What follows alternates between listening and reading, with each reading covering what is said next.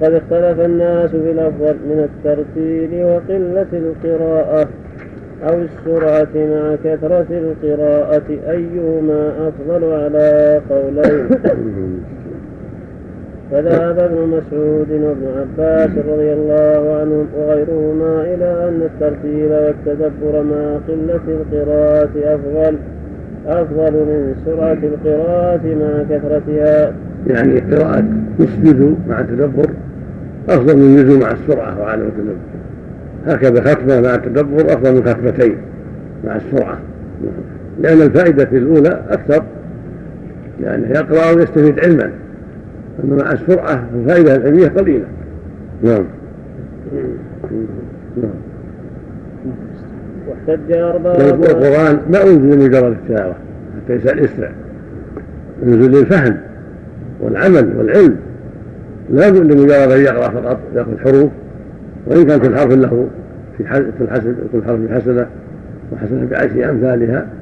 لكن هذا لا يمنع التدبر لأن المقصود هو الأول التدبر.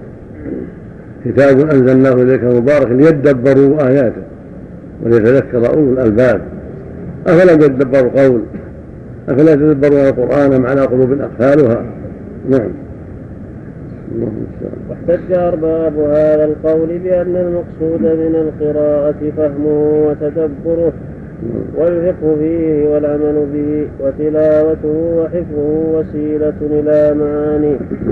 كما قال بعض السلف نزل القرآن ليعمل به فاتخذوا تلاوته عملا. ولهذا كان أهل القرآن هم العالمون به والعاملون بما فيه وإن لم يحفظوا عن ظهر قلب. وأما من حفظه ولم يفهمه ولم يعمل بما فيه فليس من أهله وإن أقام حروفه إقامة السهل بل بل حجة عليه. يقول النبي صلى الله عليه وسلم في الخوارج يحقر أحدكم صلاته مع صلاتهم وصيامه مع صيامهم وقراءته مع قراءتهم يقرؤون القرآن لا لا يجاوز حناجرهم لأنهم ما ما قروه للعمل قرأوه لغير ذلك نعم نعم تتخذ تلاوته وعمل أمر هنا ولا خبر؟ محتمل أنه ذم لبعض الناس أن اتخذوا التلاوة عملا بدلا من العمل بالأحكام يحتمل أنه يراد أن يتخذوا تلاوته من العمل يعني يتأملوها وتدبروها وأخشعوا فيها حتى تكون من جملة العمل المطلوب. نعم. نعم. يحفظ القرآن وينساه. نعم. الذي يحفظ القرآن وينساه مثلا ينسى بالنسبة ما عليه يجتهد عليه أن يجتهد حتى لا ينسى أما الاحاديث اللي فيها من من نسى من حفظه من نسى عليه كذا وعليه كذا ولقي الله اجرا ضعيفة. إن المهم ان يعتني. نعم. النبي قال تعاهدوا هذا القرآن. فهو الذي نفسي بيده إنه لاشد توصيا من الإبل في عقلها تعاهدوه يعني الحفظة الحفظ. نعم. قالوا ولأن الإيمان أفضل الأعمال. وفهم القرآن وتدبر وفهم القرآن وتدبره هو الذي يثمر الإيمان. وأما مجرد التلاوة من غير فهم ولا تدبر فيفعلها البر والفاجر والمؤمن والمنافق. كما قال النبي صلى الله عليه وسلم ومثل المنافق الذي يقرأ القرآن كمثل الريحانة. ريحها طيب وطعمها مر والناس في هذا أربع طبقات. أهل القرآن والإيمان وهم أفضل الناس. الثانية من عدم القرآن والإيمان. الثالثة وهم شر الناس. من عدم القرآن والإيمان شر الناس نسأل الله نعم. نعم. الثالثة من أوتي قرآنا ولم يؤت إيمانا. نعم. الرابعة من أوتي إيمانا ولم يؤت قرآنا. قالوا فكما أن من أوتي إيمانا بلا قرآن أفضل ممن أوتي قرآنا بلا إيمان. كالمنافقين يقرأون ولا إيمان. فهم في الدرك الأسفل من لأن قراءتهم لم تنفعهم ولم يعملوا بها. فقرأوا رياء وتلبيسا وخداعا لا لأنهم يؤمنون به. نسأل الله العافية. هكذا الخوارج عندما كفرهم وهكذا عندما لم يكفرهم. لم ينتفعوا بذلك. وكفروا المسلمين وضللوهم وقاتلوهم. نعم.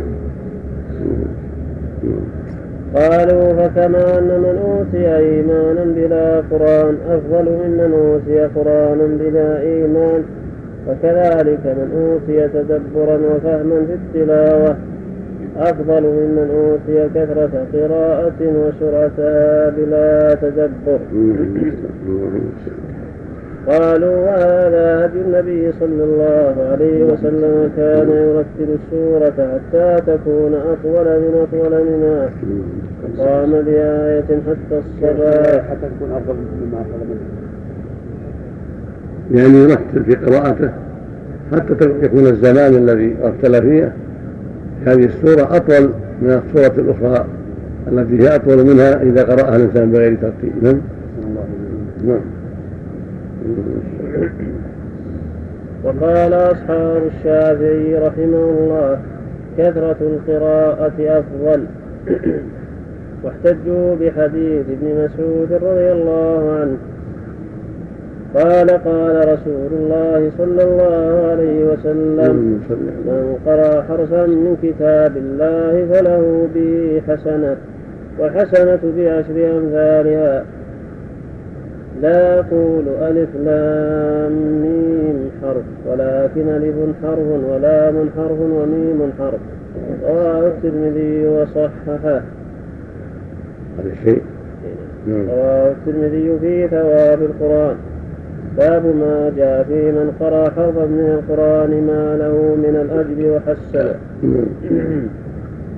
وصححه الحاكم.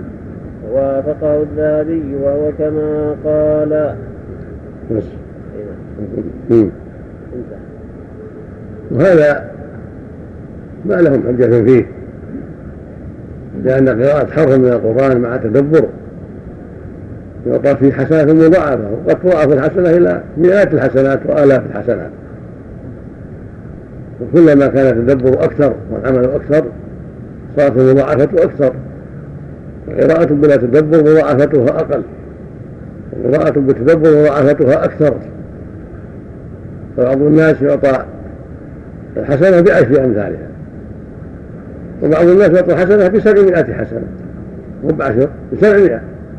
وبآلاف أيضا. والله يضاعف من يشاء سبحانه وتعالى. كما قال عز وجل مثل ينفقون أموالهم في سبيل الله. كما حبة ما سبع سنابل في كل سنة مئة حبة. والله يضاعف من يشاء هكذا في الحديث من عباس ان الله كتب الحسنات والسيئات مبين ذلك. من عمل هم بحسنة أن يعملها كتبها الله الحسنة. فإذا عملها كتبها الله العشر حسنات إلى سبعمائة ضعف إلى أضعاف كثيرة وقد تضاعف الحسنات بآلاف على حسب تقوى العبد وإيمانه ورغبته فيما عند الله وإخلاصه وصدقه. الله المستعان نعم. نعم. اللي يقرأ بدروس مثلا في واحد ما تدي الواحد 100 ريال علشان يحكم للميت حكمه هذا ما يجوز هذا بدعة ولا له ثواب؟ ما قرأ لله قرأ للقروش. ما له ثواب ولا يجوز فعل هذا. يكفره؟ ما يكفر لكن ما يجوز عملها. غلط. لا يكفر نعم. نعم. حكم المال الذي يأخذ. نعم. المال الذي ما يجوز. ابن شيخ تقييم رحمه الله أجمع العلماء. على أنه لا تجوز أخذ أجرة على القرآن على التلاوة بلا نزاع إنما الخلاف في مسألة التعليم المعلم والصواب أنه يجوز يأخذ المعلم لأنه ينحبس بالتعليم يشق عليه ذلك وهكذا للدواء تطبب أما يأخذ عن مجرد التلاوة هذا لا يجوز عند جميع أهل العلم نعم نعم. قالوا ولأن عثمان بن عفان رضي الله عنه قرأ القرآن في ركعة.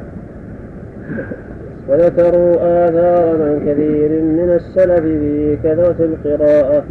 والصواب في المسألة أن يقال إن ثواب قراءة إن ثواب قراءة الترتيل والتدبر أجل وأرفع قدرا. وثواب كثرة القراءة أكثر عددا. فالأول كمن تصدق بجوهرة عظيمة أو أعتق عبدا قيمته نفيسة جدا. والثاني كمن تصدق بعدد كثير من الدراهم أو أعتق عددا من العبيد قيمتهم رخيصة. هذا نوع من الجواب لكن مثل ما تقدم القول الأول أظهر وأن المضاعفة أكثر وأن هؤلاء المرتلين أكثر عددا وأكثر وأكثر ثوابا. والمثال اللي قال لهم وإن كان له بعض الوجاهة لكن ما تقدم أظهر. فإن المضاعفة التي تحصل للمرتلين والمتدبرين والمتعاقلين تكون أكثر من الأعداد التي حصلت لأولئك الذين أكثروا القراءة. هب أنه قرأ مئة مئة حرف بمئة حسنة إلى أضعافها بألف حسنة لكن ذاك الذي قرأ مئة حرف أو أكثر التدبر والتعقل يعطى من الأجور أكثر من ذلك بكثير فيحصل له في هذا ثواب أكثر مع كونه وافق القراءة التي تنبغي وافق طريقة النبي عليه الصلاة والسلام. نعم. هذا مشهور عن عثمان ولا اتبع سندها لكنه مشهور. نعم. وإن وإن ثبت عنه فلا يلزم من ذلك. أنه قرأ قراءة ليس فيها ترتيب ولا تدبر لأن الله جل وعلا يسهل على بعض الناس قراءة القرآن. وإن كان يقرأ بالترتيل والتدبر والتعقل والإنسان إذا جرب ذلك عرف إذا جرب ذلك في رمضان أو في غيره وقت خلوق المعدة والرغبة في القراءة والمحبة لها والنشاط فيها يقرأ في الساعة الواحدة من الأجزاء. ما لا يقرأها من ليس عنده النشاط ما لا يقرأ في ساعات متعددة. نعم. الناس يختلفون في القراءة وسهولتها واندراجهم فيها. وإذا تأمل الإنسان في نفسه ذلك في بعض الأحيان يعرف ذلك.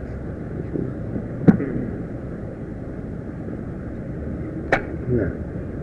وفي صحيح البخاري عن قتادة قال سألت أنس رضي الله عنه عن قراءة النبي صلى الله عليه وسلم. قال كان يمد مدا نعم في إيش؟ وفي صحيح البخاري عن قتادة. قال سألت أنس رضي الله عنه عن قراءة النبي صلى الله عليه وسلم. فقال كان يمد مدا. وقال شعبة حدثنا أبو جمرة قال قلت لابن عباس رضي الله عنهما إني رجل سريع القراءة ربما قرأت القرآن في ليلة مرة أو مرتين. فقال ابن عباس لا نقرأ سورة واحدة. أعجب إلي من أن أفعل ذلك الذي تفعل. فإن كنت فاعلا ولا بد فاقرأ قراءة تسمع ينيك ويعيها قلبك. وقال إبراهيم قرأ علقمة على ابن مسعود وكان حسن الصوت فقال رتل فداك أبي وأمي فإنه زين القرآن. وقال ابن مسعود رضي الله عنه لا تهد القرآن هذ الشعر ولا تنثروا نثر الدقل وقفوا عند عجائبه. وحركوا به القلوب ولا يكن هم أحدكم آخر السورة. الله صدق رحمة الله عليه. حركوا به القلوب وقفوا عند عجائبه وترغيبه وترهيبه. ما ينبغي أن يحمل الإنسان بس إنه يكمل السورة. حتى ينتهي منها. لا ينبغي أن يكون المقصود أن يفهم هذا الكتاب. وماذا أراد الله منه؟ الله المستعان. وقال عبد الله أيضا إذا سمعت الله يقول يا أيها الذين آمنوا فأصغ لها سمعك فإنه خير تمر به أو شر تصرف عنه. وهكذا إذا سمعت الله يقول يا أيها الناس فأنت واحد منهم انتبه وانظر ماذا يقال. فإنك واحد من الناس مطلوب وإن كنت مؤمنا فأنت واحد من المؤمنين واحد من الناس. فأرعها سمعك وتأمل. ماذا يقال؟ ماذا يطلب منك؟ يا أيها الناس اتقوا ربكم. انتبه لهذا الأمر المطلوب والتقوى وهكذا يا أيها الذين آمنوا اتقوا الله. انتبه. هل أنت قمت بهذا الواجب الذي أمرت به؟ نعم. عندما أقرأ القرآن أشعر إني سارح مثلا. نعم. عندما أقرأ القرآن أشعر إني سارح. سارح سارح سارح هوجس إيه. وأنا أقرأ القرآن. إذا شعرت بنفسي هل أعيد القراءة واستمر في أثناء أنت أنت بخيار. إن أعدتها فلا بأس وإن استمريت مع التدبر والتعقل فلا بأس. وقال عبد الرحمن بن أبي ليلى دخلت علي امرأة وأنا أقرأ سورة هود. فقالت يا عبد الرحمن هكذا تقرأ سوره هود والله إني فيها منذ ستة أشهر. ما فرغت من قراءتها. يعني تردد تردد تأمل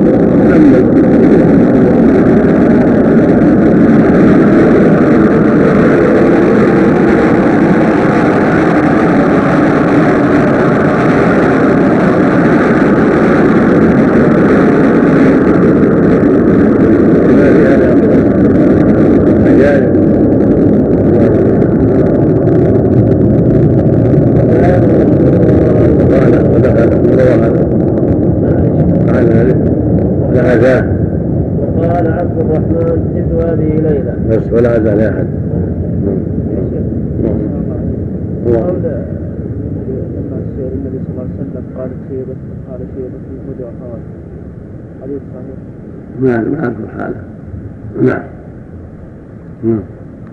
وكان رسول الله صلى الله عليه وسلم يسر بالقراءة في صلاة الليل قال الإمام ابن القيم رحمه الله تعالى فصل في هديه صلى الله عليه وسلم في صلاة الضحى. روى البخاري في صحيحه عن عائشة رضي الله عنها. قالت ما رأيت رسول الله صلى الله عليه وسلم يصلي سبحة الضحى وإني لا أسبحها. وروى أيضا من حديث مورق الأجلي قلت لابن عمر أتصلي الضحى؟ قال لا.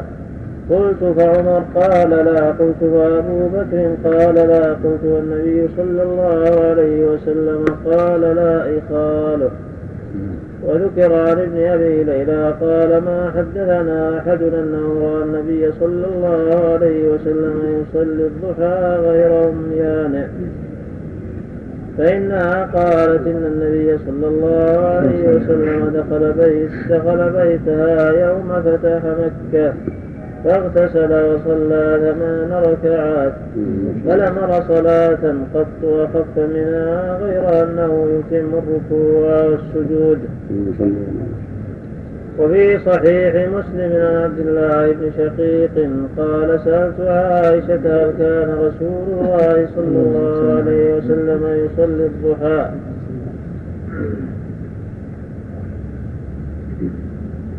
نعم.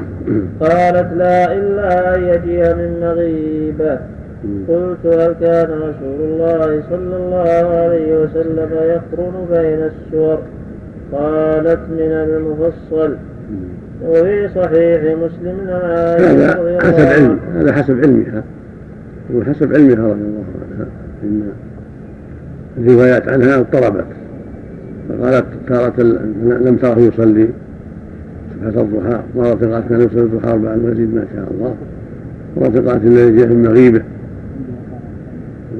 كذلك قال ابن السور في الموصل قرن أيضا من غير المفصل قد صلى في بعض الليالي بالبقرة. والنساء والعمران جميعا كما روى حذيفة في الصحيح. لكنها لم تعلم هذا رضي الله عنه. في شيء تجاوزنا شيء كلام قبل هذا تعدينا هو موقف هذا يعني؟ لا. تجاوزت القليل أرجع. وكان يصلي التطوع بالليل والنهار على راحلته في السفر قبل أي جهة توجه في الله كلمة وكان رسول الله صلى الله عليه وسلم يسر بالقراءة في صلاة الليل تارة ويجهر بها تارة. هذا ويطيل القيام تارة ويخففه تارة ويوتر آخر الليل وهو الأكثر. أوله تارة وأوسطه تارة. وكان يصلي التطوع بالليل والنهار على راحلته في السفر قبل لاحظوا انتهيت منه تمحى بعد.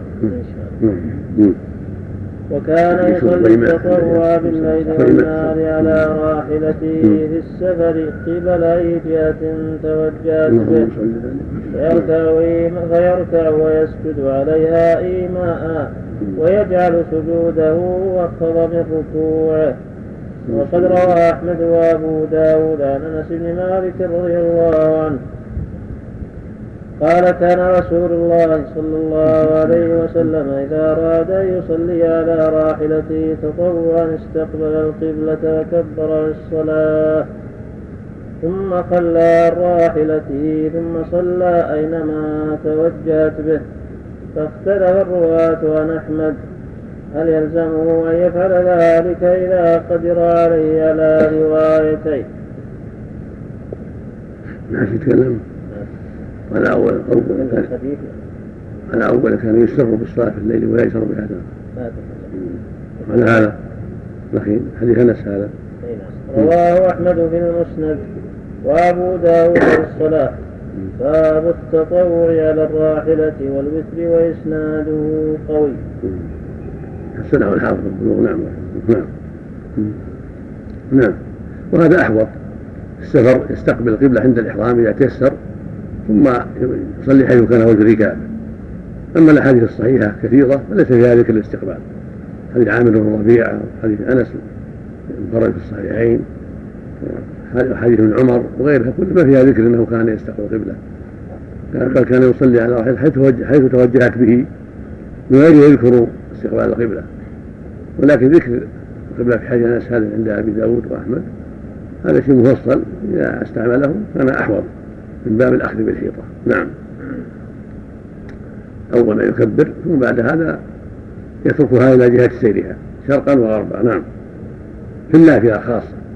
أما في الفرض فلا بد من النزول لأجل يسجد في الأرض ولا بد من استقبال القبلة إلا بعذر إذا كان عذر شرعي يعني كان الأرض مثلا فيها سيول أو يخشى النزل من العدو أو ما عنده أحد ينزل ويركب ولا ما يستطيع ينزل ويركب ومعلوم يصلي عليها حيث كان يصلي عليها يوقفها إن استطاع. يوقفها ويصلي القبلة ولا يحتاج ينزل. بالإيمان يصلي بالإيمان. هكذا في السيارة والطائرة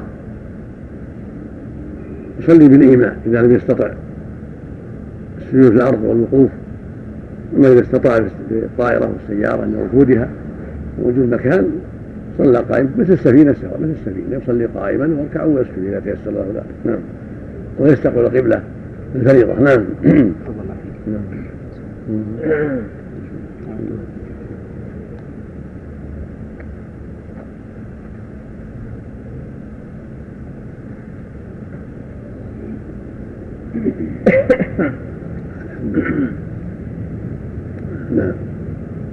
فإن أمكنه الاستدارة إلى القبلة في صلاته كلها مثل أن يكون في فاختلف الرواة عن أحمد هل يلزمه أن يفعل ذلك إذا قدر عليه على روايتين نعم. فإن أمكنه الاستدارة إلى القبلة في صلاتها كلها مثل أن يكون في محمل أو عمارية ونحوها هل يلزمه؟ أو يجوز له أن يصلي حيث توجهت به الراحلة. روى محمد بن الحكم عن أحمد في من صلى في محمل أنه لا يجزئه إلا أن يستقبل القبلة لأنه يمكنه أن يدور وصاحب الراحلة والدابة لا يمكنه. وروى عنه أبو طالب أنه قال الاستدارة في المحمل شديدة. يصلي حيث كان وجهه. واختلفت الرواية عنه بالسجود في المحمل. فروى عنه ابنه عبد الله أنه قال وإن كان محملا فقد وإن كان محملا فقد محملا محملا. محملا فقد أن يسجد في المحمل فيسجد. وروى عنه الميموني إذا صلى في المحمل أحب إلي أن يسجد لأنه يمكنه. وروى عنه الفضل بن زياد يسجد في المحمل إذا أمكنه. وروى عنه جابر بن محمد السجود على المرفقة إذا كان في المحمل. وربما أسند على البعير. ولكن يومي ويجعل السجود أخفض من الركوع وكذا روى عنه أبو داود. نعم. فصل في هدي الأظهر والله أعلم أنه يتسمح في هذا النافلة. لأن قد يشق الاستدارة قد لا يتمكن من ذلك. فإن تيسر بسهولة فلا بأس. وأما الفريضة فيؤجلها إن أمكن وإلا فتابع القبلة. يدور مع الطائرة ويدور مع السفينة ومع الباخرة إلى القبلة. ويسجد في أرض الطائرة وأرض السيارة وأرض الباخرة إذا تيسر. إن لم يتيسر ذلك فعلى مثل النافلة. يوم بإيمان ويدور مع الراحلة مع الطائرة ومع السيارة ومع السفينة والباخرة يدور معها إلى القبلة. أما السجود فإن أمكن ذلك سجد وإلا أمر نعم. إن لم يتبين له. نعم. إن لم يجتهد يجتهد. فاتقوا الله والصلاة قائد السيارة كان منتبه السؤال يتمثل نعم. قائد السيارة. لا الله ما يمكن. أن قائد السيارة. نعم. نعم. رحمك الله. نعم. كانت تستدير فلا يتبين الاستدارة. يجتهد مثل الجاهل في الأرض. مثل الجالس في الأرض. إذا جاءت الفريضة يجتهد نعم. الله إليك. المحمل بكسر اليمين والله مثل المنبر. الآلة التي يحمل فيها الإنسان. نعم. فصل في هدي صلى الله عليه وسلم في صلاة الضحى. روى البخاري في صحيحه عن عائشة رضي الله عنها قالت ما رأيت رسول الله صلى الله عليه وسلم يصلي سبحة الضحى وإني لأسبحها. وروى أيضا من حديث مورق الأجل قلت لابن عمر تصلي الضحى؟ قال لا. قلت وعمر؟ قال لا. قلت وأبو بكر؟ قال لا. قلت والنبي صلى الله عليه وسلم قال لا يقال يعني لا أظن. نعم وذكر عن ابن أبي ليلى قال ما حدثنا أحد أنه رأى النبي صلى الله عليه وسلم يصلي الضحى.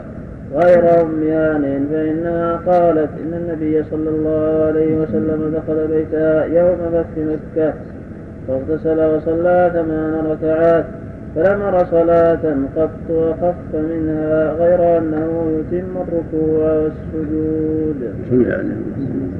وفي صحيح مسلم عن عبد الله بن شقيق قال سألت عائشة رضي الله عنها هل كان رسول الله صلى الله عليه وسلم يصلي الضحى؟ قالت لا إلا يجيء من مغيبه. قلت هل كان رسول الله صلى الله عليه وسلم يقرن بين السور؟ قالت من المفصل. وفي صحيح مسلم. وهذا مثل ما تقدم حسب علمها. وقد ثبت عنه صلى الله عليه وسلم أنه أوصى أبا الدرداء وأوصى أبا هريرة بصلاة الضحى. وهذا ثابت في الصحيحين حديث رضي الله عنه. قال أوصى يوصي بثلاث صلاة الضحى وصلي ثلاثة من كل شهر وأن يوتر قبل النوم. هكذا روى مسلم في الصحيح عن أبي الدرداء أنه وصاها بذلك وثبت في صحيح مسلم أيضا أنه قال في حديث أبي ذر على كل سلام صدقة. وعلى كل تسبيح صدقه إلى آخره ثم قال ويكفي من ذلك ركعتان يركعهما من الضحى. رواه مسلم. فسنة الضحى سنة مؤكدة. صلاة الضحى سنة مؤكدة من قول النبي عليه الصلاة والسلام. أما من فعله فلم يكن يفعلها صلى الله عليه وسلم إلا في بعض الأحيان. وكأنه والله ترك ذلك لئلا يشق على أمته. إذا واظب عليها واظب. كأنه ترك هذا لتسهيل على الأمة والتيسير عليهم. مثل ما قالت عائشة بعض الروايات أنه كان يحب العمل يعمله فيدعه مخافة يشق على أمته عليه الصلاة والسلام. فسنة الضحى ثابتة من فعل قوله صلى الله عليه وسلم. والقول آخر من الفعل. فكونه أوصى بها أبا هريرة وأبا الدرداء. كذلك ذكر أنهما أنها أن ركعتين تقومان مقام ما ما يشرع من الصدقات عن السلاميات. فإنه يدل على شرعيتها دائما وأنه يستحب لمن يصليها دائما وأقلها ركعتان. فإن زاد صلى أربعا أو ستا أو ثمانا أو أكثر فلا بأس نعم.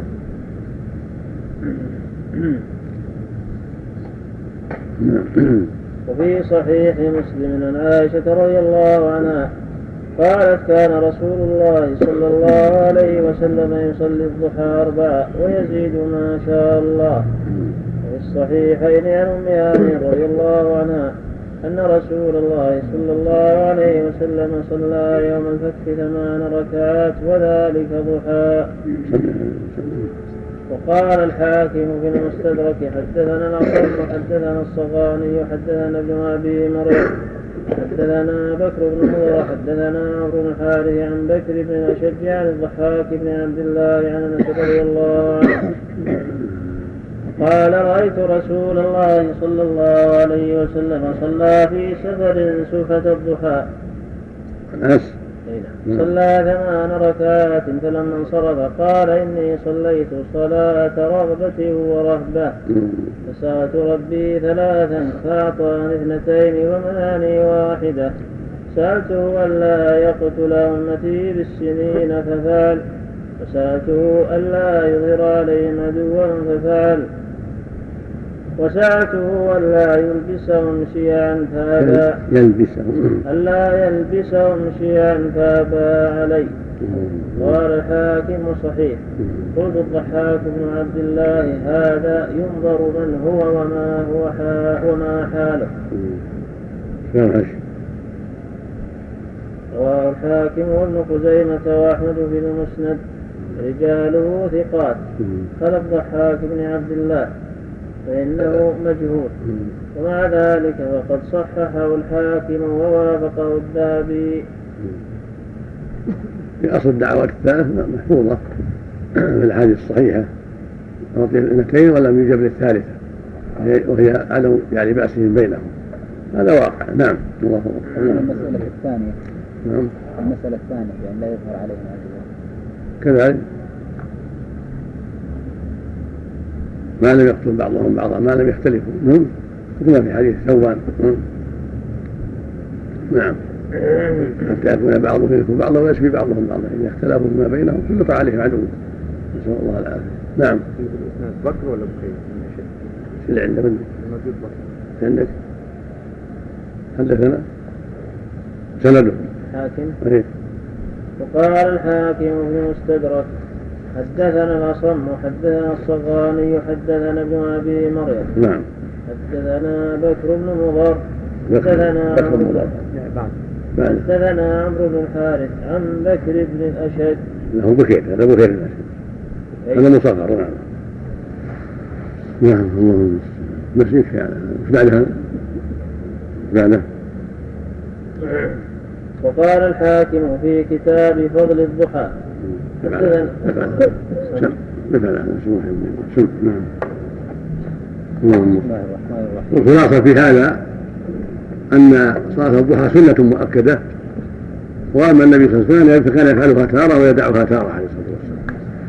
ولكن من سنته صلى الله عليه وسلم القولية هي سنة مؤكدة في جميع الأيام. نعم. الله الأنصاري نعم. الأنصاري الذي اعترض على حكم النبي صلى الله عليه وسلم. من الموافق هل هو منافق؟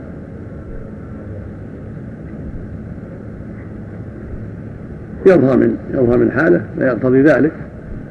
وأظن في بعض الروايات إنه حاطب أظن في بعض الروايات لكن ما ما أجمع عليه ما أظن في غالب إنه حاطب. يأتي بعد. نعم. ذكر بيأتي. نعم. لم يدعه نعم. حاطب لا بأس به لا في بدر لكن الشيطان ألقى في وقوع ذلك الوقت. ولا هذا من زي هذا عمل من زي من المنافقين من حالتهم. لا حول ولا قوة إلا بالله. نعم. نعم. الحمد لله رب العالمين والصلاة والسلام على أشرف الأنبياء والمرسلين نبينا محمد وعلى آله وأصحابه أجمعين قال الإمام ابن القيم رحمه الله تعالى وقال الحاكم في كتاب فضل الضحى حدثنا أبو بكر البقي قال الحاكم في؟ في كتاب فضل الضحى. نعم. قبل الضحى. نعم. الخراء ها؟ نفس المعنى نعم. نعم. حدثنا أبو بكر الفقيه وأخبرنا بن يحيى حدثنا محمد بن صالح الدولابي. حدثنا خالد بن عبد الله بن حسين عن هلال بن عيسى بن عزايان عن عائشة رضي الله عنها قالت صلى رسول الله صلى الله عليه وسلم الضحى. ثم قال اللهم اغفر لي وارحمني وتب علي إنك أنت التواب الرحيم. إنك أنت التواب الرحيم الغفور. حتى قال مئة مرة.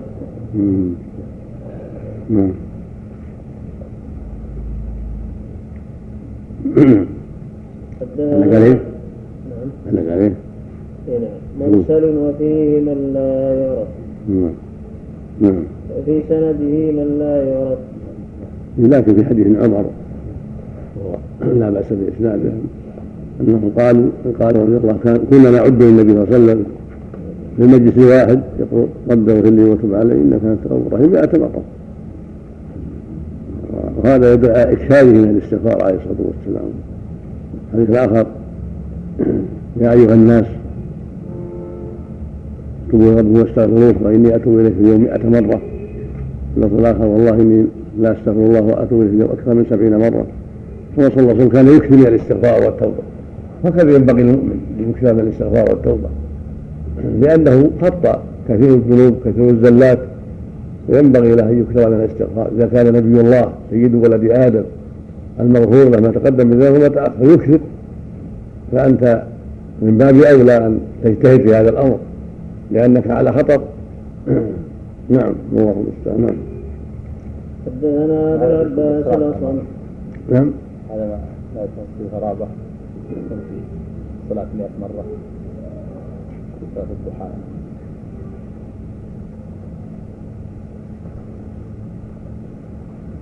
ويستعد في جهالة يستعد في جهالة.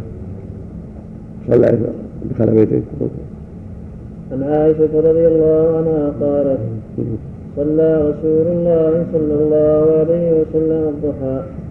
ثم قال اللهم اغفر لي وارحمني وتب علي إنك أنت التواب الرحيم. الغفور حتى قال مئة مرة.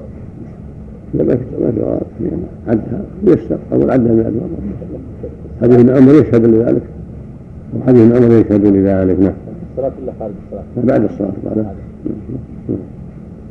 حدثنا أبو العباس الأصم حدثنا اسد بن عاصم حدثنا الحصين بن حفص عن سفيان عن عمر بن ذر عن مجاهد أن رسول الله صلى الله عليه وسلم صلى الضحى ركعتين وأربعا وستا وثمانيا مرسل وفيه من لا يعرف تعليم نعم. قال الإمام أحمد. حدثنا أبو سعيد مولى بني هاشم. حدثنا عثمان بن عبد الملك العمري. حدثتنا عائشة بنت سعد. عن أم ذرة قالت رأيت عائشة رضي الله عنها تصلي الضحى. وتقول ما رأيت رسول الله صلى الله عليه وسلم يصلي إلا أربع ركعات. وقال الحاكم أيضا أخبرنا أبو أحمد بكر بن محمد المروزي حدثنا أبو قلابة. الضحى جاء فيها عدة أحاديث. وما صح فيها صلاته صلى الله عليه وسلم في يوم الفتح. صحيح من حديث أم هانئ صلى ثمان ركعات. فيها عند مسلم. عن عائشة كان يصلي الضحى أربعا ويزيد ما شاء الله. فيها ما الشيخان من حديث أبي هريرة النبي أوصاه بركعتي الضحى وصيام ثلاثة من كل شهر والوتر قبل النوم. هكذا مثل في الصحيح حديث ابي الدرداء. قال أوصاني خير بثلاث صلاة الضحى والتي قبل النوم وصيام ثلاثة من كل شهر. كذلك ما روى مسلم في الصحيح في أحاديث السلاميات مع كل مسلم صدقة كل سلام الناس صدقة. كل تهليل صدقه وكل تحميد صدقه وكل تكبير صدقه إلى أن قال ويكفي من ذلك ركعتان تركعهما من الضحى. هذا يدل على تأكد صلاة الضحى وأن فيها خيرا عظيما وفضلا كبيرا. نعم. مما كان نعم مما كان أوله ووسطه وآخره. لكن إذا تيسرت أيام البيض فهو أفضل. الثالث عشر والرابع عشر والخامس عشر. نعم. نعم. ما يرتفع الشمس إلى وقوف الشمس كل ضحى من ارتفاع الشمس إلى شبر إلى وقوفها عند الزوال. لكن أفضله إذا اشتد الحر إذا اشتد الضحى يعني. اشتد الضحى هذا أفضل كما في الحديث الصحيح. صلاة الأوابين حين ترمض الانتصار رواه مسلم. وحين تشتد حرارة الأرض على أولاد الإبل. نعم. وقال الحاكم أيضا أخبرنا أبو بكر أحمد بن محمد المروزي أبو أحمد بكر بن محمد المروزي حدثنا أبو قلابة حدثنا أبو الوليد حدثنا أبو عوانة عن حسين بن عبد الرحمن عن عمرو بن مرة عن عمارة بن عمير عن ابن جبير بن مطعم عن أبيه أنه رأى رسول الله صلى الله عليه وسلم يصلي صلاة الضحى. قال الحاكم أيضا حدثنا إسماعيل بن محمد حدثنا محمد بن عدي بن كامل حدثنا وهب بن بقية الواسطي حدثنا خالد بن عبد الله عن محمد بن قيس عن جابر بن عبد الله رضي الله عنه أن النبي صلى الله عليه وسلم صلى الضحى ست ركعات. ثم روى الحاكم. محمد بن قيس لم يوثقه غير ابن حبان. ثم روى الحاكم عن إسحاق بن بشير النحاملي حدثنا عيسى بن موسى عن جابر بن عمر بن صبح عن مقاتل بن حيان عن مسلم بن شبيح عن مسروق عن عائشة وأم سلمة رضي الله عنهما قالتا كان رسول الله صلى الله عليه وسلم يصلي صلاة الضحى ثنتي عشرة ركعة فذكر حديثا طويلا. نعم. نعم. عمر بن صبح متروك كذبه ابن راويه وغيره. سيذكر المؤلف فيما بعد أن الخبر موضوع.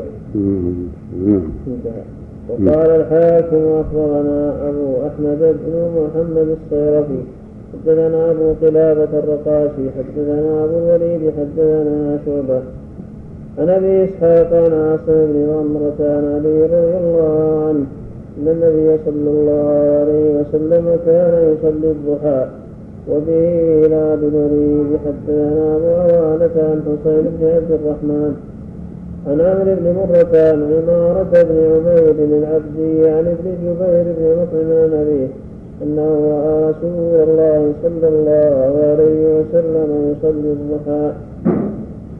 قال الحاكم وفي الباب عن أبي سعيد الخدري وأبي ذر الغفاري وزيد بن أرقم وأبي هريرة وبريدة الأسلمي وأبي الدرداء وعبد الله بن أبي أوفى وعتبان بن مالك وأنس بن مالك وعتبة بن عبد الله السلمي ونعيم بن عماد الغطفاني وأبي أمامة وعتبة بن عبد الله السلمي ونعيم بن عبد الله عندهم ونعيم بن عمار الغطفاني وأبي أمامة الباهلي رضي الله عنهم. ومن النساء عائشة بنت أبي بكر وأم هاني وأم سلمة رضي الله عنهن كلهن شهدوا كلهم شهدوا أن النبي صلى الله عليه وسلم كان يصلي وذكر الطبراني من حديث علي وأنس وعائشة وجابر رضي الله عنهم أن النبي صلى الله عليه وسلم كان يصلي الضحى ست ركعات. فاختلف الناس في هذه واختلف الناس في هذه الاحاديث على طرق منهم من رجح رواية الفعل على الشرط لأنها مثبته تتضمن زيادة علم خفيت على النافي قالوا وقد يجوز أن يذهب علم مثل علم مثل هذا على كثير من الناس ويوجد عند الأقل قالوا وقد أخبرت عائشة وأنس وجابر وأم هانئ وعلي بن أبي طالب أنه صلى. قالوا ويؤيد هذا الأحاديث الصحيحة المتضمنة للوصية بها والمحاولة عليها فاعلها والثناء عليه. وفي الصحيحين عن أبي هريرة رضي الله عنه قال أوصاني خليلي محمد صلى الله عليه وسلم بصيام ثلاثة أيام من كل شهر. وركعتي الضحى وان اوتر قبل أن أنام. وفي صحيح مسلم نحوه عن أبي الدرداء. وفي صحيح مسلم عن أبي ذر يرفعه قال يصبح على كل سلامة من أحدكم صدقة وكل تسبيحة صدقة وكل تحميدة صدقة وكل تهليلة صدقة وكل تكبيرة صدقة وأمر بالمعروف والطبراني من حديث علي وأنس وعائشة وجابر رضي الله عنهم أن النبي صلى الله عليه وسلم كان يصلي الضحى ست ركعات فاختلف الناس في هذه فاختلف الناس في هذه الاحاديث على طرق منهم من رجح رواية الفعل على الترك لأنها مثبته تتضمن زيادة علم خفيت على النافي. قالوا وقد يجوز أن يذهب علم مثل علم مثل هذا على كثير من الناس ويوجد عند الاقل قالوا وقد أخبرت عائشة وأنس وجابر وأم هانئ وعلي بن أبي طالب أنه صلى. قالوا ويؤيد هذا الأحاديث الصحيحة المتضمنة للوصية بها والمحاولة عليها ومسح فاعلها والثناء عليه. وفي الصحيحين عن أبي هريرة رضي الله عنه. قال أوصاني خليلي محمد صلى الله عليه وسلم بصيام ثلاثة أيام من كل شهر. وركعتي الضحى وأن أوتر قبل أن أنام. وفي صحيح مسلم نحوه عن أبي الدرداء. وفي صحيح مسلم عن أبي ذر يرفعه قال يصبح على كل سلامة من أحدكم صدقة فكل تسبيحة صدقة وكل تحميدة صدقة وكل تهليلة صدقة وكل تكبيرة صدقة وأمر بالمعروف صدقة ونهي عن المنكر صدقة ويجزي من ذلك ركعتان يركعهما من الضحى وفي مسند الإمام أحمد عن معاذ بن أنس الجواني أن رسول الله صلى الله عليه وسلم قال من قام في مصلاه حين ينصرف من صلاة الصبح حتى يسبح ركعتي الضحى. لا يقول إلا خيرا غفر الله له خطاياه وإن كانت مثل زبد البحر. وفي الترمذي وسلم. رواه أحمد في المسند والبيهقي وفيه ابن لهيعة وهو سيء الحفظ وسبان بن فائد وهو ضعيف. وسهيل بن معاذ لا بأس سهل وسهل خلاص سهل نعم. وسهل بن معاذ لا بأس به إلا في رواية زبان وهذه منها. وفي الترمذي وسنن ابن ماجه عن أبي هريرة رضي الله عنه قال قال رسول الله صلى الله عليه وسلم من حافظ على سبحة الضحى غفر له ذنوبه وإن كانت مثل زبد البحر. نعم. عليه.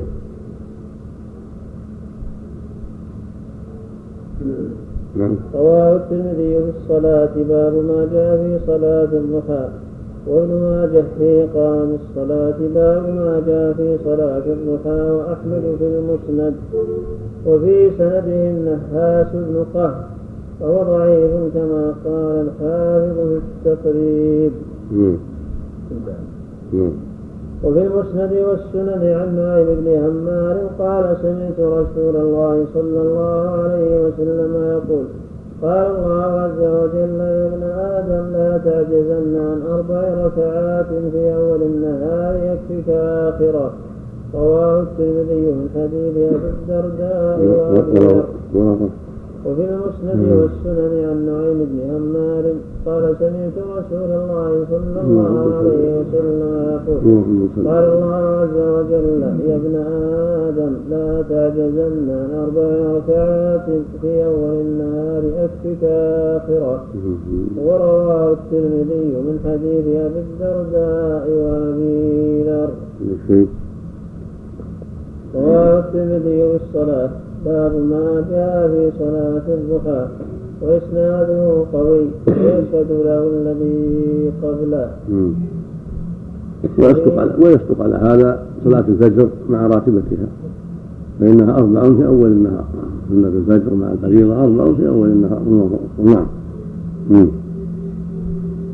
في تاريخ السابق. على قوله. المسند والسنن إلى آخره.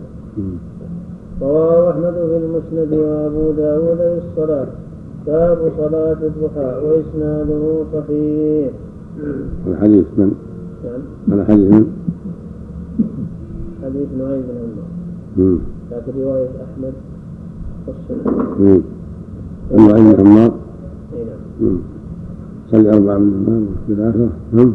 ابن لا تتجنى عن أربع ركعات في أول النهار نعم.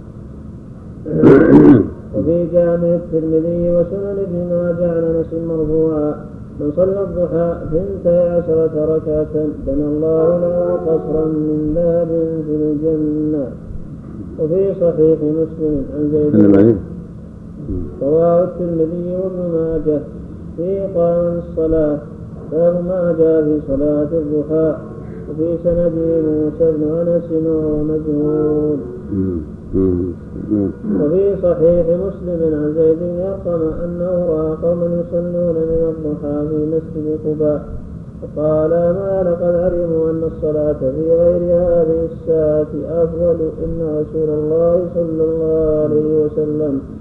قال صلاة الأوابين حين ترمض الفصال. وقوله ترمض الفصال أي يشتد حر النار. وتجد الفصال حرارة الرمضاء. وفي الصحيح ولو إيش؟ وفي صحيح مسلم. عن زيد؟ نعم. نعم نعم وفي الصحيح أن النبي صلى الله عليه وسلم صلى الضحى في بيت إثبان بن مالك ركعتين وفي مستدرك الحاكم من حديث خالد بن عبد الله واسطي عن محمد بن عمرو.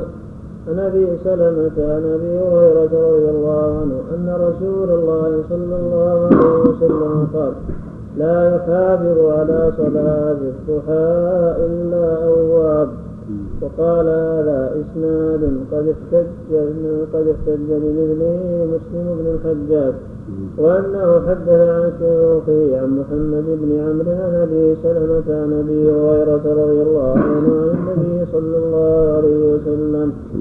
ما أذن الله لشيء ما أذن لنبي يتغنى بالقرآن؟ قال ولعل قائلا يقول قد أرسله حماد بن سلمة وعبد العزيز بن محمد الدراوردي عن محمد بن عمرو. ويقال له خالد بن عبد الله ثقة والزيادة من الثقة مقبولة. ثم روى الحاكم حدثنا أي شيء؟ هذا أي شيء؟ لا لا يحافظ على صلاة الضحى لا هو رواه الحاكم في المستدرك وابن خزيمة وسنده حسن. وصححه الحاكم على شرط مسلم. ووافقه الذهبي مع أن محمد بن عمرو لم يخرج له مسلم إلا بالمتابعات. وهذا من هذا من المتابعات نعم. اللهم نعم. ثم روى الحاكم حدثنا عبدان بن يزيد حدثنا محمد بن المغيرة السكري حدثنا القاسم بن الحكم العرني حدثنا سليمان بن داود اليمامي حدثنا يحيى بن أبي كثير عن أبي سلمة عن أبي هريرة رضي الله عنه. قال قال رسول الله صلى الله عليه وسلم إن للجنة بابا يقال له باب الضحى. فإذا كان يوم القيامة نادى مناد أين الذين كانوا يدعون على صلاة الضحى. هذا بابكم فادخلوه برحمة الله. أخرجه الطبراني في الأوسط وسليمان بن داود اليماني قال ابن معين ليس بشيء وقال البخاري منكر الحديث. اصطلاح البخاري أن من قال فيه منكر الحديث. لا تحل الرواية عنه قال ابن حبان ضعيف وقال آخر متروك ويحيى بن أبي كثير مدلس وقد عنعن فالخبر لا يصح. وقال الترمذي الجامع حدثنا وكذا وقال السلمي بكل حال فالأحاديث الكثيرة مستفيضة عن النبي صلى الله عليه وسلم كلها تدل على شرعية صلاة الضحى وأنها سنة مؤكدة وأن فضلها عظيم. وهو وقت يدخل فيها الناس في الغالب يدخل فيه الناس الصلاة فيه لها منزلة ولها فضل. وثبت هذا عن النبي صلى الله عليه وسلم من عدة طرق من قوله من فعله ومن تقريره عليه الصلاة والسلام. نعم وأصح ذلك ما ثبت من قوله من حديث أبي هريرة ومن حديث أبي الدرداء وما ثبت من فعله على الفتح مع الأحاديث الأخرى الكثيرة الدالة على فضلها. وأنه لا حصر لها صلى اثنتين أو أربع أو ست أو ثمان أو أكثر من ذلك ليس لا احد ولو صلى مئة أو أكثر من ذلك. نعم. نعم. نعم. سنة سنة مداومة عليها هي فضل عظيم. قد اوصى بها النبي أبا هريرة وأبا الدرداء. وقال في السلاميات إن إن المؤمن يكفيه من ذلك ركعتان يركعهما من الضحى. نعم. أداء للصدقات التي على السلاميات نعم الله نعم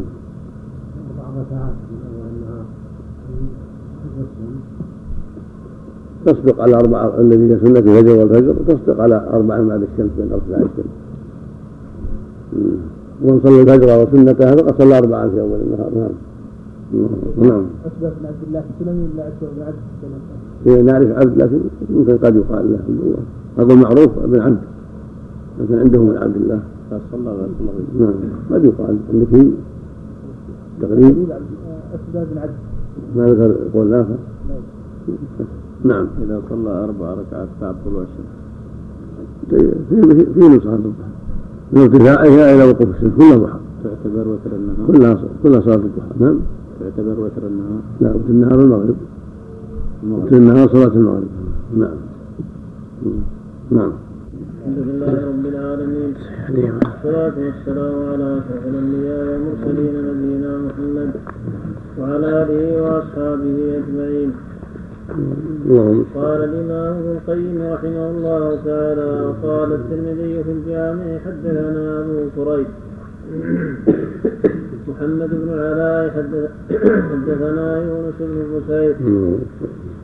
بسير محمد بن إسحاق قال حدثني موسى بن فلان عن عمه ثمامة بن أنس بن مالك عن أنس بن مالك رضي الله عنه قال قال رسول الله صلى الله عليه وسلم من صلى الضحى اثنتي عشرة ركعة بنى الله له قصرا من باب في الجنة. قال الترمذي وقال الترمذي وقال الترمذي في الجامع حدثنا أبو كريب محمد بن العلاء نعم. حدثنا يونس بن بكير عن محمد بن إسحاق قال حدثني موسى بن فلان. نعم. عن عمه ثمامة بن أنس بن مالك عن أنس بن مالك رضي الله عنه. قال قال رسول الله صلى الله عليه وسلم من صلى الضحى ثنتي عشرة ركعة بنى الله له قصرا من باب في الجنة. قال الترمذي حديث غريب لا نعرفه إلا من هذا الوجه. وكان أحمد يرى أصح شيء في هذا الباب حديث أم هانئ. قلت وموسى بن فلان هذا هو موسى بن عبد الله بن المثنى ابن أنس بن مالك. نعم. رواه الترمذي في الصلاة باب ما جاء في صلاة الضحى. وابن ماجه في إقامة الصلاة باب ما جاء في صلاة الضحى. وموسى بن فلان مجهول كما في التقريب وقد تقدم. بس.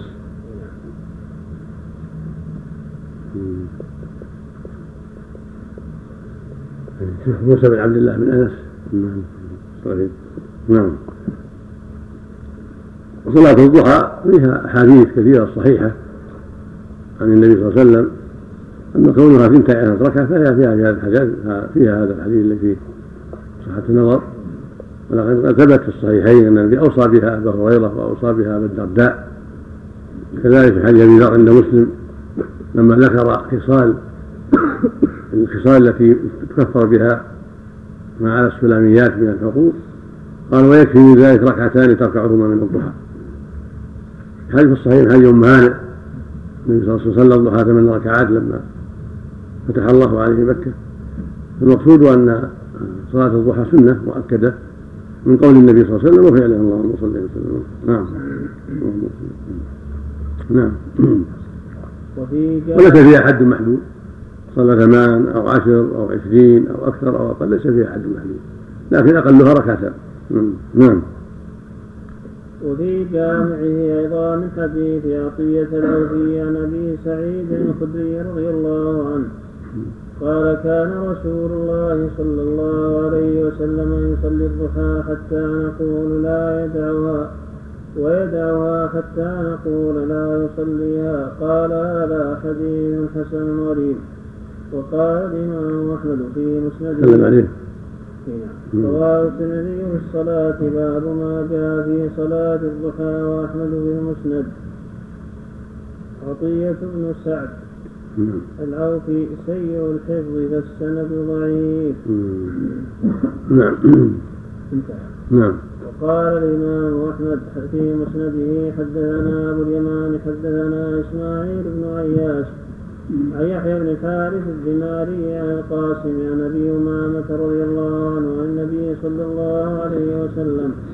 قال من مشى إلى صلاة مكتوبة وهو متطهر كان له كاجر الحاج المحرم.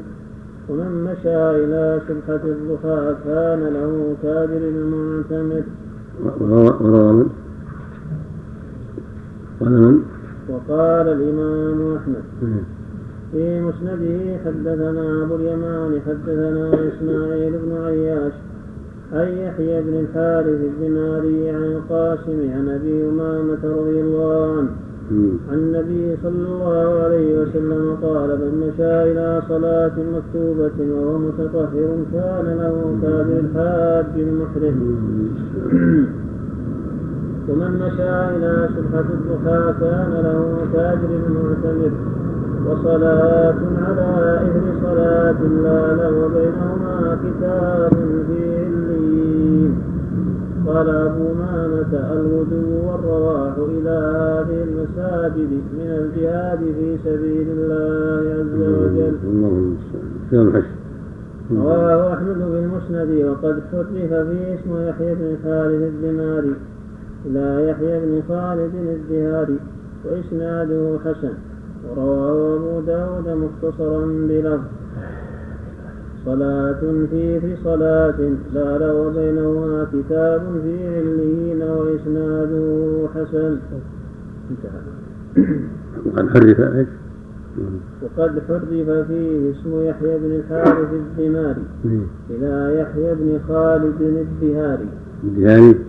الدهاري. بالهاء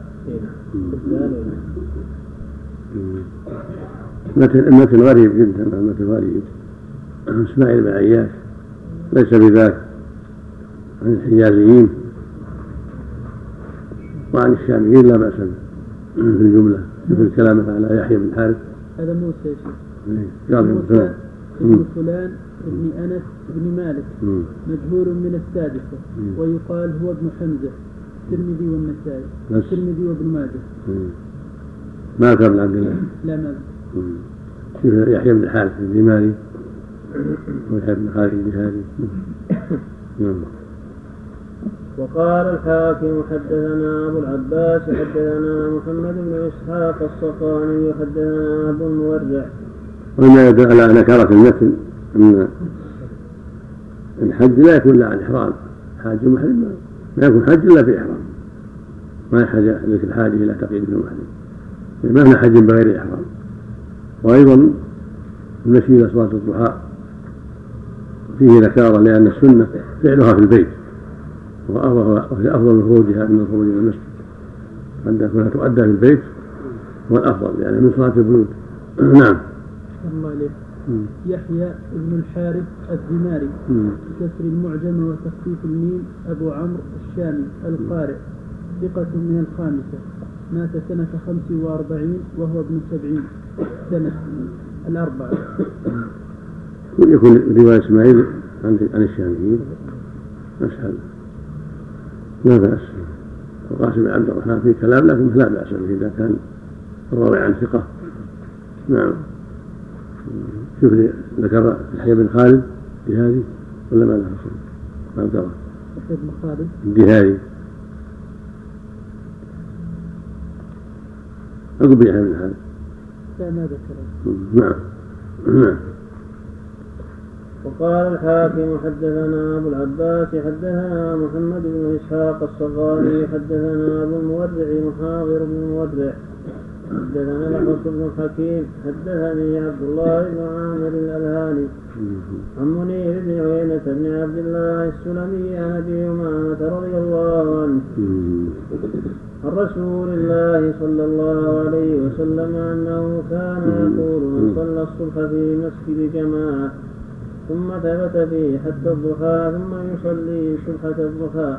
كان له كأجر حاج أو معتمر تام له حجه وعمرته. تام له حجه وعمرته. وقال ابن أبي هذا الحديث له شواهد وله طرق. تدل على حسن وأن فعل هذه الصلاة بعد ارتفاع الشمس من جلس في مصلاه في خير عظيم وفضل كبير. عن سند حدث وقال من؟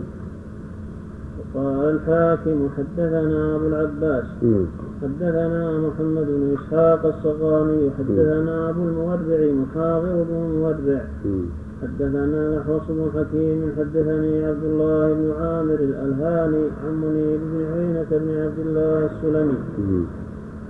عن أبي أمامة رضي الله عنه عن رسول الله صلى الله عليه وسلم أنه كان يقول من صلى الصبح في مسجد جماعة ثم ثبت فيه حتى الضحى ثم يصلي سبحة الضحى كان له كاجر حاج أو معتمر عندكم أو بهمزة. كأجر حاج أو معتمر تام له حجه وعمرته. كان الحج إسناده ضعيف. نعم. فعلا ما زاد على هذا. ما لا لا لا هي روايات متعددة. نعم. قد جمع طرقه بعض الإخوان اللي جمعه يقولون عمر.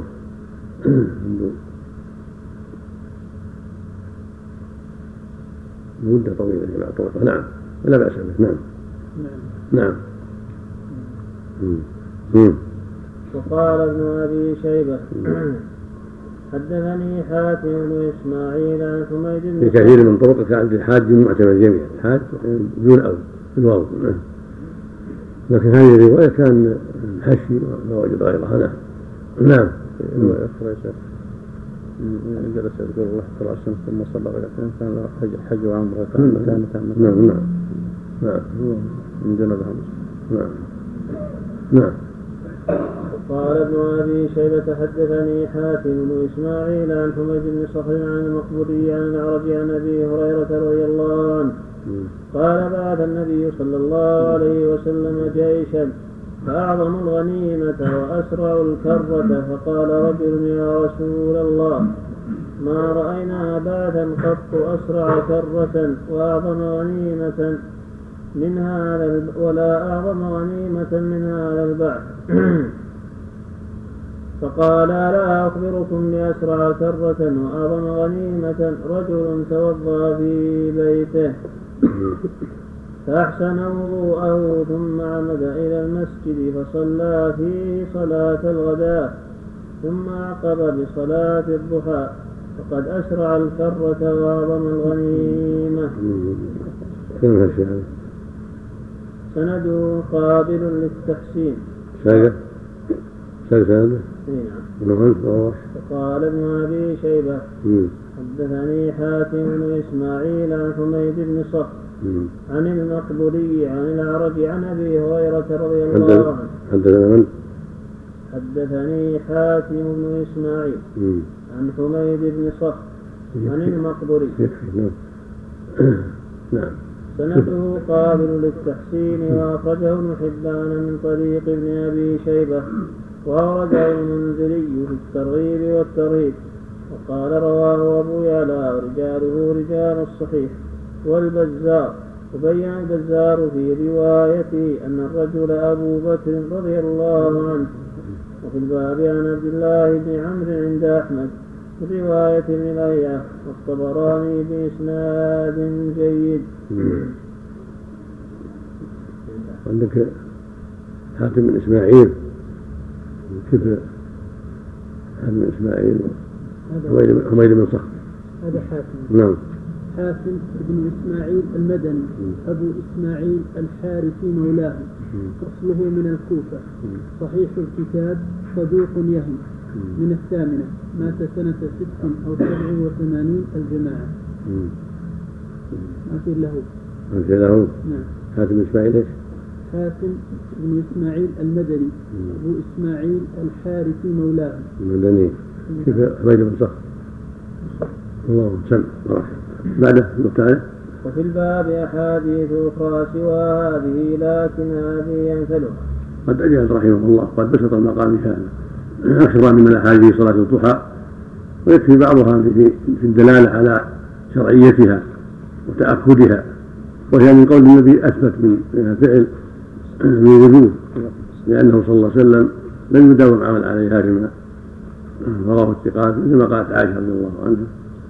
ولكن من قوله صلى الله عليه وسلم أثبت فأوصى بها أبا الدرداء وأبا هريرة كما تقدم ثبت من حديث أبي ذر حديث أم هاني. فأحاديثها كثيرة في الدلالة على شرعيتها وتأكدها ولا سيما والضحى وقت يغفل فيه الناس. ففعل العبادة في هذه الحال له مزيته. الله المستعان. نعم. وهكذا ذكر الله عز وجل ليس من ذكره في الأحوال التي يغفل فيها الناس يكون ذكره مزية. وفضل غير الأوقات التي يكثر فيها الذاكرون نعم. الله المستعان نعم. حميد الشيخ إيه. حميد بن صخر أبو مودود الخراط. وقيل إنهما اثنان. صدوق يهم من السادسة مات سنة تسع وثمانين. البخاري في الأدب ومسلم. وأبو داود والترمذي والنسائي في مسند علي وابن ماجه. وعلى حال. ما في بن صخر ما بن صخر إيش؟ أبو مودود. الخراط إيه. وقيل إنهما اثنان. صدوق يهم من السادسة. مات سنة تسع وثمانين بعده. وفي الباب أحاديث سوى هذه لكن هذه أمثلها قال الحاكم صحبت جماعة من أئمة الحديث حفاظ الأخبار فوجدتهم يختارون هذا العدد يعني أربع ركعات ويصلون هذه الصلاة أربعة تواتر الأخبار الصحيحة فيه وإليه أذهب وإليه أدعو اتباعا للأخبار المأثورة واقتداء بمشايخ الحديث فيه. تقول عائشة رضي الله عنها كان النبي صلى الله عليه وسلم يصلي الضحى أربعا ويزيد ما شاء الله رواه مسلم. فإذا صلاها أربعا فحسن وإن صلى اثنتين فحسن وإن صلى أكثر من ذلك فحسن كله ثابت عنه عليه الصلاة والسلام نعم. والأمر في هذا واسع. وثبت عنه أنه صلىها ثمانا عليه الصلاة والسلام. كما في حديث أم هاني. نعم. اللهم صل قال ابن جرير الطبري قد ذكر الأخبار المرفوعة في صلاة الضحى واختلاف عدد تبع قال ابن جرير لو صلى أربعا يصلي تسليمة واحدة ولا تسليمتين؟ تسليمتين صلاة الليل والنهار مثلا مثلا. نعم. اللهم صل بسم الله الرحمن الرحيم. الحمد لله رب العالمين والصلاة والسلام على أشرف الأنبياء والمرسلين نبينا محمد وعلى آله وأصحابه أجمعين. قال الإمام ابن القيم رحمه الله تعالى قال ابن جرير الطبري رحمه الله وقد ذكر الأخبار المرفوعة في صلاة الضحى واختلاف عددها وليس في هذه الأحاديث حديث يدفع صاحبه وذلك أن من حكى أنه صلى الضحى أربعا جائز أن يكون رآه في حال فعله ذلك. ورآه في حال في حال فعله ذلك. ورآه غيره في حال أخرى صلى ركعتين. ورآه آخر في حال أخرى صلاها ثمانيا وسمعه آخر يحث على أن يصلى ستا وآخر يحث على أن يصلى ركعتين. وآخر على عشر وآخر على بنتي عشرة فأخبر كل واحد منهم عما رأى وسمع.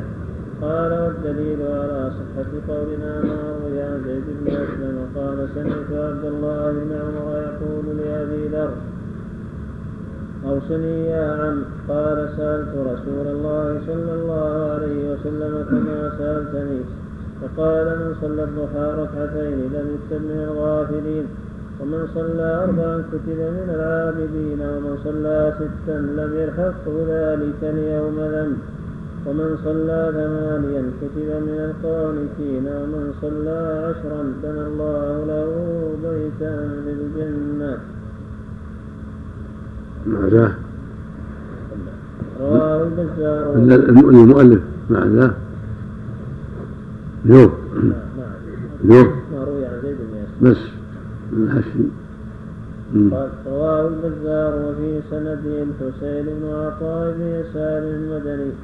قال أبو حاتم منكر الحديث وقال ابن حبان لا يجوز أن يحتج به إذا انفرد وأخرجه المنذري في الترغيب والترهيب من حديث أبي الدرداء. وقال رواه الطبراني في الكبير. ورواته ثقات وفي موسى بن يعقوب الزمعي خلاف. قد روي عن جماعة قد روي عن جماعة من الصحابة ومن طرق. وهذه أحسن أسانيد. وانظر مجمع الزوائد وفتح الباري. نعم نعم. وقال مجاهد صلى رسول الله صلى الله عليه وسلم يوما الضحى ركعتين. ثم يوما أربعا ثم يوما ستا ثم يوما ثمانيا ثم ترك. فأبانا هذا الخبر عن صحة ما قلنا من احتمال خبر كل مخبر ممن تقدم أن يكون إخباره لما أخبر عنه. في صلاة الضحى على قدر ما شاهده وعاينه. نعم. والصواب إذا كان الأمر كذلك أن يصليها من أراد على ما شاء من العدد وقد روي هذا عن قوم من السلف. حدثنا ابن حميد حدثنا جرير عن إبراهيم سأل رجل الأسود كم أصلي الضحى؟ قال كم شئت.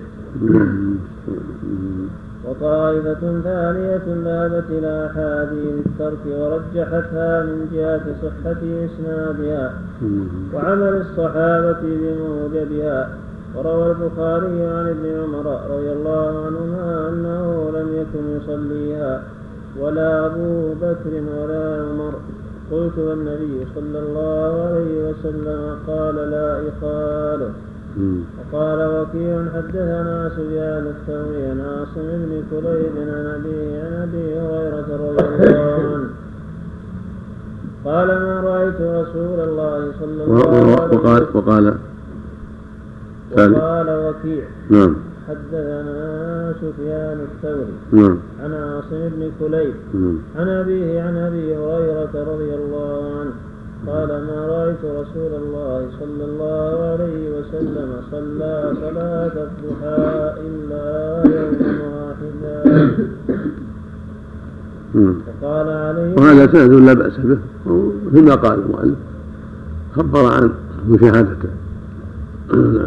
قالت عائشة رضي الله عنها كان يصلي الضحى أربعة ويزيد ما شاء الله. يغفل عنها أنها ما رأت النبي يصليها إلا أن يقدم من سفر. قال في اخر ما رأيت أسبحها وإني لا اسبحها فالمقصود من هذا أن صلاة الضحى سنة قولية. من قوله ومن فعله عليه الصلاة والسلام. من لم يشاهده أخبر عن علمه ومن شاهده أخبر عن مشاهدته وعلمه. ومن أثبت حج على من نفى. قاعدة من أثبت شيئا فهو حج على من نفاه. قد أخبرت عائشة أنه صلى الله عليه وسلم صلى اربعا ويزيد ما شاء الله. وأخبر في البهاني أنه صلىها ثمانا يوم الفتح. وثبت في الصحيحين أنه أوصى أبا هريرة وأبا الدرداء بصلاة الضحى. وثبت في صحيح مسلم أن النبي صلى الله عليه وسلم أوصى بركعتي الضحى وقال إنها تكفي عن ما يتعلق بالسلاميات قد يكفي من ذلك ركعتان تركعهما من الضحى. هذا كافي في الدلالة على فضلها وأنها سنة مؤكدة في كل يوم. الله أكبر. نعم. وقال علي بن المديني حدثنا معاذ بن معاذ حدثنا شعبة حدثنا فضيل بن فضالة عن عبد الرحمن بن أبي بكرة قال فضيل كذا فضيل بن فضالة كذا عندك عليه؟ قال اسناد بس وقال من؟ وقال من؟ قال علي بن المديني حدثنا معاذ بن معاذ حدثنا شعبة نعم. حدثنا فضيل بن فضالة. شوف فضيل بن فضالة تقريبا. عن عبد الرحمن بن أبي بكرة قال رأى أبو بكرة ناسا يصلون الضحى. قال إنكم لتصلون صلاة ما صلى رسول الله صلى الله عليه وسلم ولا عامة أصحابه. وفي الموطأ عن مالك عن ابن شهاب هذا إن صح على حسب علمه حسب علم أبي بكر رضي الله عنه. نعم. اللهم صل اللهم صل وسلم نعم. نعم. ابن فضيل. فضيل ابن فضالة. فتح الفاء والم... فتح الفاء والمعجمة الخفيفة. القيسي البصري. صدوق من السادسة. النسائي. في واحد آخر. فضيل ابن فضالة الهوزني بفتح الهاء والزاي بينهما واو ساكنة. الشامي مقبول أرسل شيئا من الخامسة أبو داود في المراسيل والنسائي بس. نعم. نعم.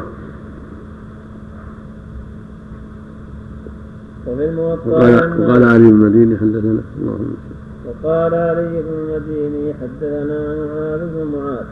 حدثنا شعبة حدثنا فضيل بن فضالة عن عبد الرحمن بن أبي بكرة بعده نعم. قال قال نعم نعم. وفي الموطأ. نعم. في الموطأ عن مالك عن ابن شهاب. عن عروة عن عائشة رضي الله عنها قالت ما سبح رسول الله صلى الله عليه وسلم سبحة الضحى قط وإني لأسبحها وإن كان رسول الله صلى الله عليه وسلم ليدع العمل وهو يحب أن يعمل به خشية أن يعمل به الناس فيفرض عليهم. اللهم صل عليه اللهم صل عليه وقال أبو الحسن علي بن بطال فأخذ قوم من السلف بحديث عائشة ولم يروا صلاة الضحى وقال قوم إنها بدعة. والشعبي عن قيس بن عبيد قال كنت أختلف إلى ابن مسعود السنة كلها وما رأيته مصليا الضحى. وروى شعبة عن سعد بن إبراهيم عن أبيه أن عبد الرحمن بن عوف كان لا يصلي الضحى. وقال مجاهد قال دخل وعن مجاهد قال دخلت أنا وعروة بن الزبير المسجد. فإذا ابن عمر جالس عند حجرة عائشة وإذا الناس في المسجد يصلون صلاة الضحى. فسألنا عن صلاتهم فقال بدعة وقال مرة ونعمة البدعة وقال الشعبي سمعت ابن عمر يقول ما ابتدع المسلمون أفضل أفضل صلاة من الضحى. وعن سئل انس بن مالك عن صلاة الضحى فقال الصلوات خمس وذهبت طائفة ثالثة إلى استحباب فعلها غبا وتصلى في بعض الأيام دون بعض. وهذا أحد الروايتين عن أحمد وحكاه الطبري عن جماعة. قال واحتجوا بما روى الجريري عن عبد الله بن شقيق قال قلت لعائشة رضي الله عنها أكان رسول الله صلى الله عليه وسلم يصلي الضحى؟ قالت لا إلا أن يجيء من مغيبة ثم ذكر حديث أبي سعيد رضي الله عنه. كان رسول الله صلى الله عليه وسلم يصلي الضحى حتى نقول لا يدعها ويدعها حتى نقول لا يصليها. وقد تقدم ثم قال كذا ذكر من كان يفعل ذلك كذا ذكر من كان يفعل ذلك من السلف وروى شعبة عن حبيب بن الشهيد عن يعني كلمة قال كان ابن عباس يصليها يوما ويدعها عشرة أيام يعني صلاة الضحى. وروى شعبة عن عبد الله بن دينار عن ابن عمر أنه كان لا يصلي الضحى فإذا أتى مسجد قباء صلى وكان يأتيه كل سبت. وروى سفيان عن منصور قال كانوا يكرهون أن يحافظوا عليها كالمكتوبة. ويصلون ويدعون يعني صلاة الضحى. وعن سعيد بن جبير إني لا أدع صلاة الضحى وأنا أشتهيها. مخافة أن أراها حتما علي. وقال مسروق كنا نقرأ في المسجد فنبقى بعد قيام ابن مسعود. ثم نقوم فنصلي الضحى. فبلغ ابن مسعود ذلك فقال لم تحملون عباد الله ما لم يحملهم الله؟ إن كنتم لا بد فاعلين ففي بيوتكم. وكان أبو مجلد يصلي الضحى في منزله. قال هؤلاء وهذا أولى لئلا يتوهم متوهم وجوبها بالمحافظة عليها أو كونها سنة راتبة.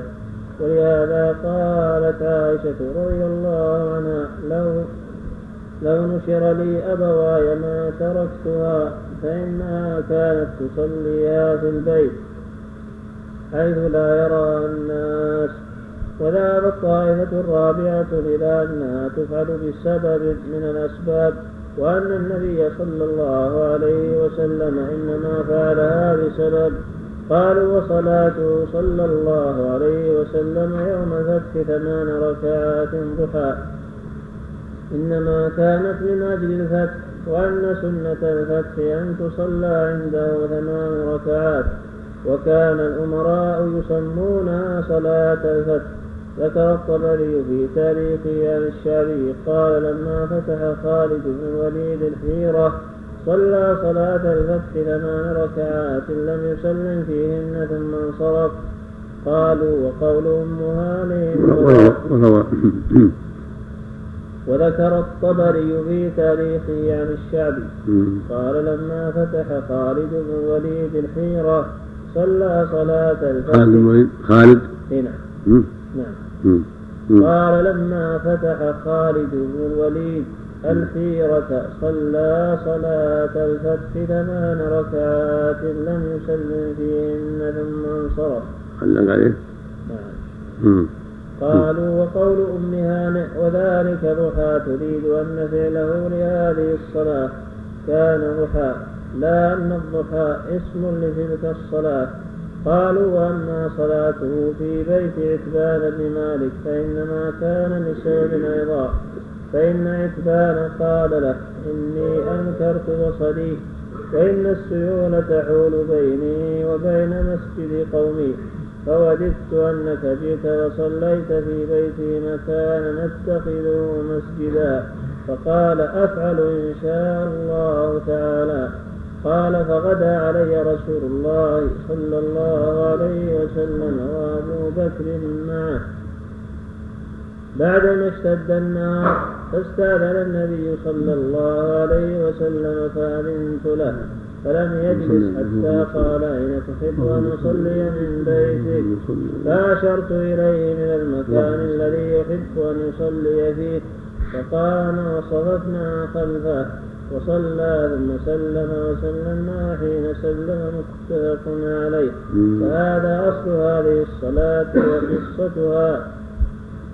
ولفظ البخاري فيها ولفظ البخاري في هذا اختصره بعض الرواة عن الإتبان فقال إن رسول فقال إن رسول الله صلى الله عليه وسلم صلى في بيته سبحة الضحى فقاموا وراءه فصلوا. وأما قول عائشة لم يكن رسول الله صلى الله عليه وسلم يصلي الضحى إلا يقدم من مغيبة. فهذا من أبين الأمور أن صلاته لا إنما كانت لسبب فإنه صلى الله عليه وسلم كان إذا قدم من سفر بدا بالمسجد فصلى به ركعتين.